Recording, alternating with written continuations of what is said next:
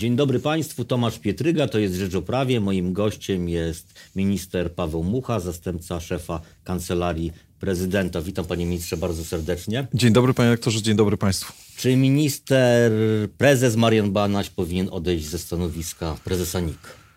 To jest tak oczywiście, że sprawa jest w toku wyjaśniania. Nie znamy, ja przynajmniej nie znam tych dokumentów, które oficjalnie zostały zebrane także w formie raportu czy protokołu CBA. Wiemy, że pan prezes Banaś do tych dokumentów się odniósł, że sprawa jest y, ustalana, jeżeli chodzi o ten rzeczywisty stan faktyczny, stan, stan prawny. Natomiast pan prezydent tutaj wypowiadał się dość jednoznacznie. Gdyby się okazało, że są jakiekolwiek okoliczności, które by mm, stanowiły o działaniu niezgodnym y, z prawem, to wtedy tak. Natomiast ja nie chciałbym rzeczy przesądzać mhm. na zasadzie pewnych y, wypowiedzi medialnych, no bo nie znam tych materiałów, nie znam tych ustaleń. Wiemy, że była kontrola, taka pogłębiona lustracja majątkowa dotycząca kwestii danych zawartych w oświadczeniu. Wiemy, że prezes Banaś do tego się odniósł, natomiast no, to są rzeczy, które pozostają dzisiaj w domenie no absolutnie nie kancelarii prezydenta, ale właściwości działania czy to ministra koordynatora, czy, czy Centralnego Biura Antykorupcyjnego praktycznie codziennie, albo może przesadzam, co, co, co, co kilka dni pojawiają się jakieś nowe rewelacje medialne, które no, obciążają y,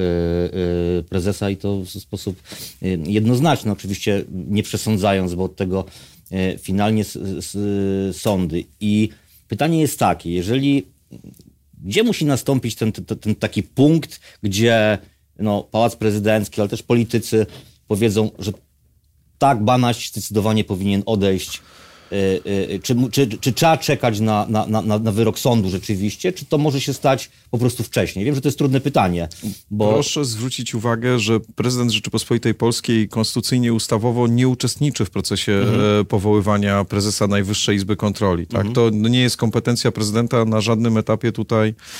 Pan prezydent w ten proces nie jest e, zaangażowany. Natomiast pytanie jakby o materiały i ustalenia, mhm. no to jest pytanie do tych organów, które prowadzą to postępowanie. Tak? No bo mhm. to jest e, kwestia, tak jak mówimy, weryfikacji przez e, CBA, no bo mamy bardzo stanowcze oświadczenia także pana prezesa Banasia, w których on mówi, że absolutnie tutaj występuje na drogę postępowania sądowego na przykład wobec autorów materiałów, tak, czy publikacji, wskazując, że jego dobre imię, tak, zostało naruszone, tak, więc ja bym nie chciał rzeczy rozstrzygać na podstawie wypowiedzi medialnych, prasowych, tak, które, jak wiadomo, no nie są ustaleniami organów państwa w określonym postępowaniu, postępowaniu. No myślę, że to nie jest odległa perspektywa czasowa, kiedy będziemy mieli jakąś konkluzję tak, mhm. tych, tych, yy, tych czynności. A pojawiają się takie koncepcje, że w związku z tym, że no, prezes Banaś yy, nie chce podać się, yy, sam zrezygnować ze stanowiska, żeby punktowo zmienić konstytucję. Tak? Takie, takie głosy się, yy, opozycja taki, taki pomysł chociażby z, z, zgłaszała. Czy to jest dobry pomysł, żeby zmieniać punktowo konstytucję,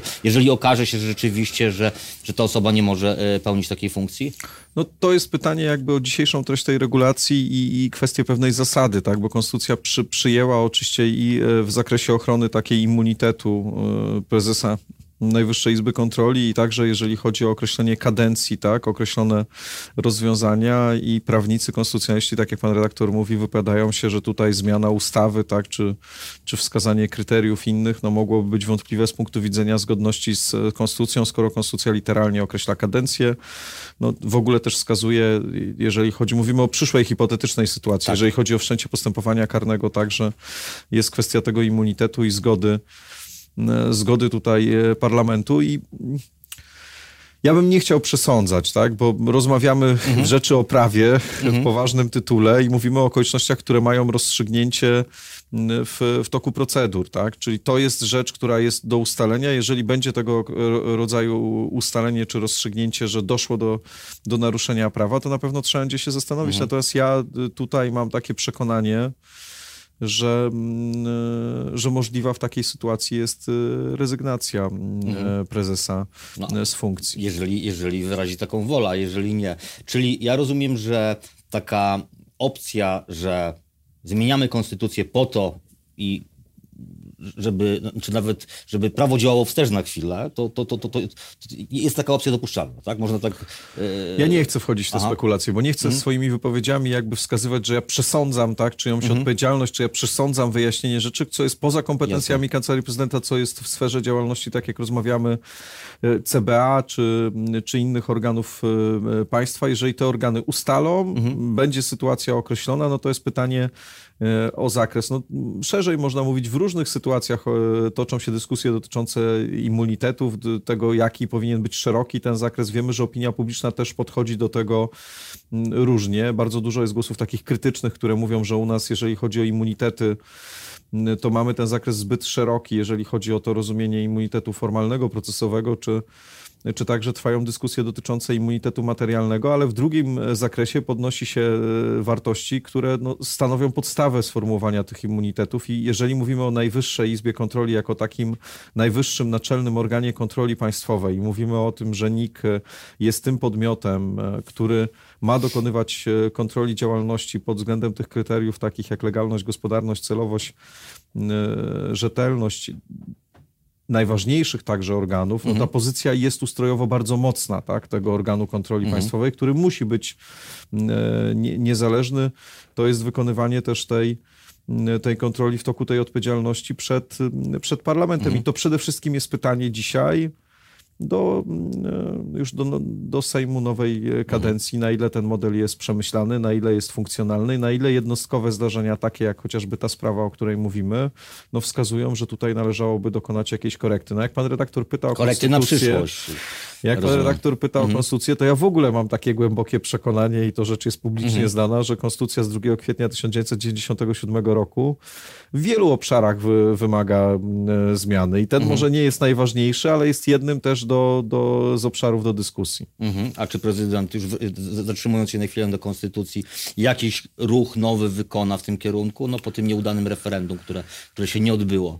Ja bym powiedział nieudanym w tym sensie, że no. można powiedzieć, że decyzja Senatu, no procedura nie odbyło, nie odbyła się. Paradoks jakby mhm. konstytucji polega na tym, że konstytucja, która była e, przyjmowana przy, przy frekwencji no poniżej 50% e, udziału w, w, w, referendum konstytucyjnym, sama zbudowała próg dla swojej ważności, jeżeli chodzi o sferę referendalną. Mhm. Mm, referendum, które ma być przy poparciu ponad połowy Polaków, przy udziale ponad połowy Polaków i wreszcie wskazała, że w ogóle nie mamy instytucji referendum obligatoryjnego w konstytucji, mhm. bo albo to jest tak, że e, zbieramy określoną ilość e, podpisów i, i tak Sejm musi się zgodzić na, na to referendum, albo to jest tak w przypadku prezydenta, że Senat musi wyrazić zgodę. Ja jestem przekonany, że na pewno w którymś momencie dojdzie do takiej pogłębionej dyskusji, jeżeli chodzi o, o zmianę konstytucji. Prezydent te głosy zebrał. To jest mhm. ważna debata, która się odbyła. E, wśród tych głosów były głosy zwykłych obywateli, przedstawicieli organizacji pozarządowych, e, prawników, polityków i raczej dość powszechne, no, absolutnie marginalne takie głosy, że konstytucja jest aktem prawnym idealnym i nie wymaga żadnej e, korekty. Natomiast no niestety w Senacie, przez to, że część senatorów głosowała przeciw, część wstrzymała się od, od głosu. Ten projekt postanowienia o zarządzeniu referendum ogólnokrajowego nie znalazł odpowiedniej e, większości, ale jestem przekonany, że prędzej czy później dojdzie do zmiany konstytucji. Jestem przekonany, mhm. że w tym formacie, który pan prezydent zaproponował, bo nie wyobrażam sobie zmiany konstytucji bez głosu suwerena. Mhm. A jak spojrzymy na samą konstytucję, na artykuł czwarty, władza zwierzchnia w Rzeczypospolitej Polskiej należy do narodu, tego narodu pisanego wielką literą, czyli my wszyscy obywatele mhm. decydujemy. I ja myślę, że w Pałacu Prezydenckim ta refleksja konstytucyjna oczywiście się nie, nie kończy, a jeżeli chodzi o parlament, no to odpowiadając na mhm. pytanie pana redaktora, jakieś działanie pana prezydenta, no musiałoby korelować z tym, że albo większość senacka, albo większość sejmowa mówi tak, jesteśmy za tym, żeby dokonywać zmiany konstytucji. No, dzisiaj można powiedzieć, że w określonych sferach y, można o pewnych sprawach rozmawiać, chociaż y, przy bezwzględnej większości głosów w Sejmie wiemy, że zwycięzca tych wyborów większości konstytucyjnej jednak nie posiada. Mhm. A czy ten wątek się, jest szansa, że on się pojawi w kampanii wyborczej, tej prezydenckiej, która się pewnie niedługo rozpocznie? Ja myślę, że w kampanii prezydenckiej naturalne jest to, że będziemy y, rozmawiać także o sprawach państwa i, i taką ważną sprawą y, państwa jest także kwestia związana z, z ustrojem czy, czy z mhm. jakąś mhm. reformą dotyczącą sfery konstytucyjnej. Tutaj takim wyrazem tego, jak, jaki jest styl pana prezydenta i jak prezydentura jest sprawowana, to jest aktywność pana prezydenta w polityce krajowej. To z głosów też mieszkańców, ze spotkań z mieszkańcami brał mhm. się ten postulat zmiany konstytucji. Zresztą myśmy prowadząc także dyskusje w całej Polsce i spotkania, no powszechnie mieli to to wskazywane przez obywateli, że oczekują e, korekty czy zmiany konstytucji. Zresztą badania opinii publicznej także mm, potwierdzały, że te pytania, które pan prezydent e, proponował, to były pytania, które cieszyły się poparciem Polaków. To nie były pytania, które były narzucone Polakom, tylko to były pytania, które zostały sformułowane na podstawie mhm. wielomiesięcznych prac i konsultacji. Panie ministrze, zmienia, zmieniając trochę wątek, zapytam o protesty wyborcze. Czy, czy, czy PiS trochę przesadził decydując się na złożenie protestów wyborczych, chodzi o, o, o wybory do Senatu, nie podając jakiegoś y, szczególnego uzasadnienia dla, dla tych protestów i narażając się tym samym na na takie, taką krytykę całego systemu wyborczego i systemu odwoławczego. Nie, ja absolutnie nie uważam, żeby działo się cokolwiek złego czy niewłaściwego. No, mamy procedurę związaną z najpierw z przeprowadzeniem wyborów i tutaj mamy sukces ogromny pan prezydent z tego się cieszy, że mamy bardzo wysoką frekwencję, mhm. bo to jest frekwencja, która koresponduje z wyborami z 4 czerwca 89 roku. Ponad 60% Polaków poszło na wybory. Mhm. Mamy bardzo mocnego zwycięzcę, bo nigdy żadna partia i procentowo, jeżeli chodzi o liczbę głosów, takiej liczby nie uzyskała uzyskała. Natomiast rzeczą zwykłą i normalną na całym świecie, w Europie i we wszystkich demokracjach jest to, że mamy określone procedury.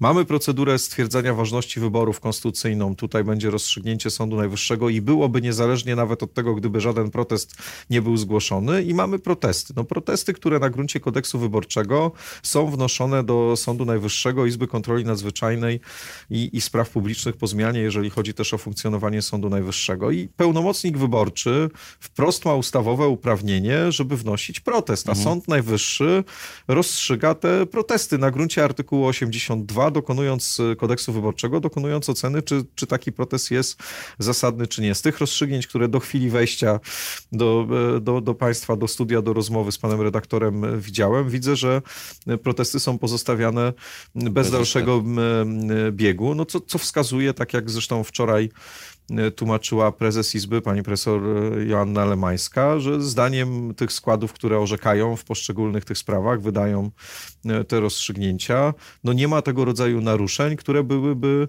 mhm. wskazane w kodeksie wyborczym. No tam z jednej strony są przestępstwa przeciwko wyborom, z drugiej strony są określone uchybienia, które miały wpływ na wynik wyborów. Tak? Mhm. Jeżeli Sąd Najwyższy określa że natomiast ja bym nie hamował, bo to jest trochę tak, jakby pan redaktor powiedział, odwołuje się do mojej praktyki adwokackiej, że ten, kto wnosi pozew na przykład do sądu, tak, jest i przegrywa, mhm. przegrywa proces, to znaczy, że był nieuprawniony, żeby ten mhm. pozew e, wnieść. No, czy mhm. ktoś, kto składa odwołanie, a odwołanie nie jest uwzględnione, nie wiem, w postępowaniu sądowo-administracyjnym. Ja mhm. no. myślę, że to jest naturalne mhm. i to świadczy właśnie o tym, że ten system działa bardzo mhm. dobrze, bo z jednej strony mieliśmy sprawnie przeprowadzone wybory, bardzo szybko podane wyniki, z drugiej strony Prawo i Sprawiedliwość podnosi, to jest obiektywna okoliczność, że były takie okręgi wyborcze, gdzie różnica pomiędzy kandydatami, jeżeli chodzi o zdobycie mandatu, była mniejsza niż ilość głosów nieważnych, albo były takie okręgi, gdzie mieliśmy ponadstandardową ilość osób głosujących mhm. spoza okręgu. Na przykład jest taki okręg jeden na Pomorzu Zachodnim, gdzie wygrał wybory kandydat niezależny. Pojawia się protest wyborczy, a każdą jakby indywidualną rzecz rozstrzyga e, Sąd Najwyższy, ważąc, czy, czy te przesłanki e, tutaj zachodzą, żeby, żeby tą sprawę dalej badać merytorycznie. I, i uważam, że, że tak jest i i we wszystkich państwach, tak jak mówimy, europejskich. No u nas po prostu ten spór polityczny, który jest bardzo ostry, ta bardzo mocna polaryzacja prowadzi do tego, że opinie polityków czy komentatorów i to mówię z przykrością, są bardzo często nie fair, tak? bo myśmy jeszcze dwa no, dni tutaj temu... pojawia się, że wejdę słowo, no, y, y, zarzut dotyczący Krajowej Rady Sądownictwa, że Izba Nadzwyczajna może funkcjonować źle, nierzetelnie z uwagi na to, że została y, y, y, rekomendowana, jej członkowie zostali rekomendowani przez polityczną Krajową Radę Sądownictwa. Znaczy, ja mam przekonanie takie. Po pierwsze, Krajowa Rada Sądownictwa nie jest polityczna, bo tam mamy mhm. skład określony konstytucją, mamy sędziów. Natomiast jeżeli pan redaktor mnie pyta, jakby co jest korzystniejsze, czy korzystniejszy był model, w którym sędziów, mhm. tych 15 z wyborów,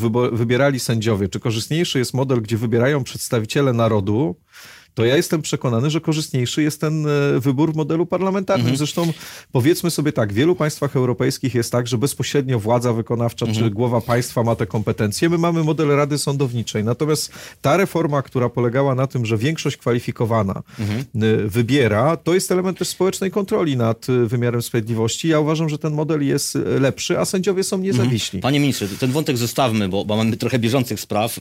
Trybunał, Komisja Europejska skierowała, czy kieruje e, kolejną skargę do Trybunału Sprawiedliwości Unii Europejskiej w sprawie e, systemu postępowań dyscyplinarnych. E, czy ten spór się kiedyś z Unią, Brukselą zakończy, czy on będzie jeszcze trwał? Czy prezydent ma jakiś pomysł, plan, żeby, żeby, żeby tą sprawę w końcu, no bo to już trwa 4 lata. No tutaj mamy sytuację taką, że to jest takie pewne podsumowanie, którego dokonuje Komisja Europejska nie nowa Komisja Europejska, tylko jeszcze ta mhm. dotychczas. Y, no ale niemniej jednak, gdyby nowa chciała, to mogła, mo, mogłaby jednak w ten proces ingerować. I tutaj mamy, e, tutaj mamy sytuację taką, że rzecz dotyczy ewidentnie kwestii, które są w zakresie kompetencji państw członkowskich Unii mhm. Europejskiej. No, nie, nie mamy takich przepisów na poziomie europejskim, które by nam wskazywały jakiś jeden wzorzec, jeden model, który byłby modelem, jeżeli chodzi o sądownictwo dyscyplinarne. Mhm. Ja mam takie przekonanie i Rzeczpospolita to opisywała inne tytuły prasowe i media, że wiele było takich spraw dyscyplinarnych, gdzie mieliśmy do czynienia z popełnieniem czynu zabronionego przez sędziego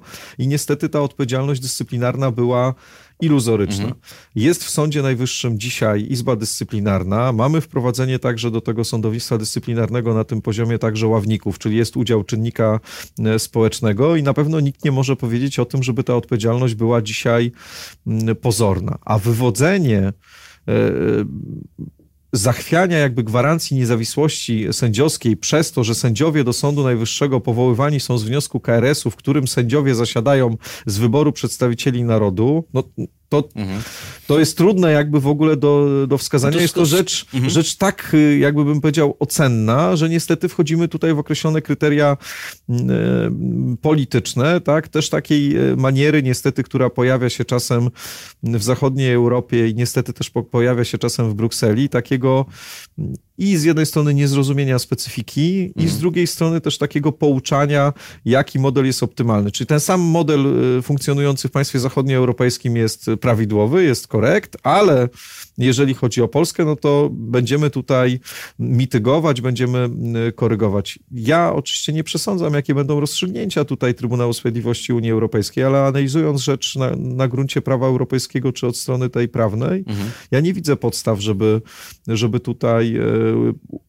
uznać zasadność tej, tej skargi Czyli to są motywacje, motywacje polityczne, tak je można zdefiniować. Ja myślę, że to są takie motywacje, które wychodzą poza te kryteria e, prawne i ja nie widzę też żadnego zagrożenia dla niezawisłości e, sędziowskiej e, w Polsce. Zresztą proszę zwrócić uwagę, rozmawialiśmy też o Izbie Kontroli Nadzwyczajnej mhm. Spraw Publicznych. No, niektórzy politycy czy komentatorzy chcieli z góry przewidywać, że protesty wyborcze Prawa i Sprawiedliwości będą uwzględniane i, i takie głosy wprost się pojawiały, mhm. tak? I okazało się, że jest to zupełnie nieprawda i że to jest argumentacja bardzo nie fair bo mamy sędziów i to jest tak, jak zawsze pan prezydent mówi przy powołaniach sędziowskich, czy to są sędziowie Sądu Rejonowego, czy Sądu Najwyższego. Od chwili powołania sędziego do sędziów można kierować tylko pewne apele czy prośby, Natomiast y, pewnym standardem państwa demokratycznego też musi być to, że sędziowie mając ogromną indywidualną władzę uznawania powództwa, oddalania mm. roszczenia, uznawania winny, niewinny, czy rozstrzygania sporów sądowo-administracyjnych, nie mogą stać ponad prawem. My musimy mieć rzetelne, i prawidłowe sądownictwo dyscyplinarne. Mhm. Tak uważamy, tak uważa prezydent, tak uważa ogromna większość Polaków. Mhm. E, prezydent jest autorem e, zmian w ustawie o Sądzie Najwyższych i między innymi chodzi o te nowe izby. Czy rozważana jest jakaś korekta tych zmian, jak, jak, jakaś, jakaś inicjatywa legislacyjna kolejna dotycząca czy Sądu Najwyższego, czy sądownictwa w ogóle? Ja myślę, że te dwa elementy, które są związane z reformą, jeżeli chodzi o sam Sąd Najwyższy, czyli skarga nadzwyczajna, mhm. to jest element bardzo pozytywny, rozpoznawanie skarg nadzwyczajnych pozwala usuwać takie ewidentne mhm. błędy sądowe czy orzeczenia, które nie znajdują odzwierciedlenia w materiale dowodowym, czy są sprzeczne z zasadami wyrażonymi w Konstytucji. To się dzieje dzisiaj. Te osoby, które były krytycznie nastawione nawet do skargi mhm. nadzwyczajnej, przyznają, że, że to miało sens. Ja uważam, że do, dopuszczenie ławników do orzekania, rozstrzygania właśnie w tych sprawach ze skarg nadzwyczajnych, czy także w sprawach dyscyplinarnych też jest uzasadnione. Tak jak przed chwilą rozmawialiśmy, sądownictwo dyscyplinarne to musi być też element rzetelnego sądownictwa. Natomiast czy są wyzwania na przyszłość? Oczywiście, że są. Mhm. No, takim wyzwaniem też jest kwestia przyspieszenia określonych procedur sądowych i, i, i, to, to jest wielkie wyzwanie. No mamy także zmiany w procedurach czy to cywilnej, czy, czy mhm. karnej. Mhm. Pojawiają się głosy i także u Państwa na łamach dyskusje dotyczące chociażby e, sądów pokoju, sędziów pokoju, kwestii jakby odciążenia w pewnym stopniu sądów rejonowych, tak, czy, czy mhm. zmiany organizacji, jeżeli chodzi o strukturę e, sądownictwa, co miałoby korelować także ze zmianami procedur, tak, żeby to prawo do sądu, jedno z fundamentalnych praw obywatela, wyrażone też w treści artykułu 45 Konstytucji, żeby ono było w tym sensie e, takim prawem, które gwarantuje mi właśnie ten proces nie tylko w niezawisłym, e, przy niezawisłym składzie sędziowskim niezależnym sądzie, ale także jakby do rozpatrzenia w odpowiednim terminie, rozsądnym terminie, tak jak to też wskazuje Europejska Konwencja o ochronie praw człowieka. I Czyli inicjatywa jak, jakieś, można się spodziewać jakiejś inicjatywy legislacyjnej? Prezydent się interesuje sprawami mm. wymiaru sprawiedliwości. Na bieżąco jakby te rzeczy monitorujemy, to są zresztą znane, e, znane fakty, tak? Natomiast no tutaj ten główny ciężar, tak mówiąc wprost, i ten aparat, który jest e, zbudowany dlatego, żeby te zmiany budować, no to jest też Ministerstwo Sprawiedliwości. E, z Sądu Najwyższego płyną no w sumie już kolejne takie, e, takie głosy o konflikcie e, w środku i no, złym traktowaniu e, tych nowo wybranych sędziów. Prezydent o tym mówił na początku roku e, przy okazji nominacji prezesów nowych izb. Czy, czy, bo Państwo na pewno znają tą sprawę, no i jaki komentarz jest do tego? Czy rzeczywiście jest taka sytuacja i ona, jak, jak, jak ją Pan zdefiniuje? No, mnie jest jakby trudno e, komentować jakby sytuację wewnątrz sądu, sądu Najwyższego. Nie specjalnie się też czuję jakby uprawniony, że się odnosić do określonych tam personalnych niezrozumień czy, mhm. czy uchybień we wzajemnej kurtuazji, bo to i takie były tak. sygnały. Powiem, e, powiem jako obywatel po prostu, że no pewnie, żebyśmy oczekiwali, że w Sądzie Najwyższym są najwyższe standardy i pewnie wszyscy, pan redaktor, nasi mhm. telewidzowie, internauci by oczekiwali, żeby niejako jako wzorzec SEFR ten Sąd Najwyższy nam się jawił jako właśnie ten podmiot, gdzie wszelkie reguły, jeżeli chodzi o mm, także współpracę międzyludzką są zachowywane, żeby nie było takiego rozumowania, że ktoś jest... Y, nie było dwóch kategorii sędziów i mam mhm. nadzieję, że, że takie, takie zjawiska i takie mechanizmy nie będą miały miejsca. Na koniec zapytam jeszcze o marsz 11 listopada. To jest tak, że zeszły rok to był rok specyficzny, no bo to był rok stulecia odzyskania przez mhm. Polskę niepodległości. Na pewno jeżeli chodzi o 11 listopada, ambicją pana prezydenta jest to, żebyśmy wszyscy manifestowali dumę, mhm. słuszną dumę z tego, że jesteśmy Polakami, niezależnie od tego, czy w mniejszej miejscowości, w wielkim mieście, gdzie mieszkamy, mhm. czy spędzamy ten czas na uroczystościach regionalnych, państwowych, czy, czy także w wszelkich formach aktywności, no to bądźmy dumni z tego, że jesteśmy e, Polakami. Narodowe Święto Niepodległości to jest takie święto, które powinno nas łączyć, a nie dzielić. A co do samej kwestii marszu i udziału e, pana prezydenta w tym marszu, no kancelaria prezydenta nie jest organizatorem tego marszu. Mhm. Nie ma, mówiąc prost, ostatecznej decyzji co do tego, jaka będzie formuła, e, czy ten udział pana prezydenta będzie przewidywany. Ja tego dzisiaj nie, mhm. nie przesądzam, nie rozstrzygam. Mhm. Bardzo dziękuję za rozmowę. Minister Paweł Paweł Mucha z Kancelarii Prezydenta był moim gościem, a ja zapraszam na jutro na godzinę dziewiątą na Rzecz o Polityce.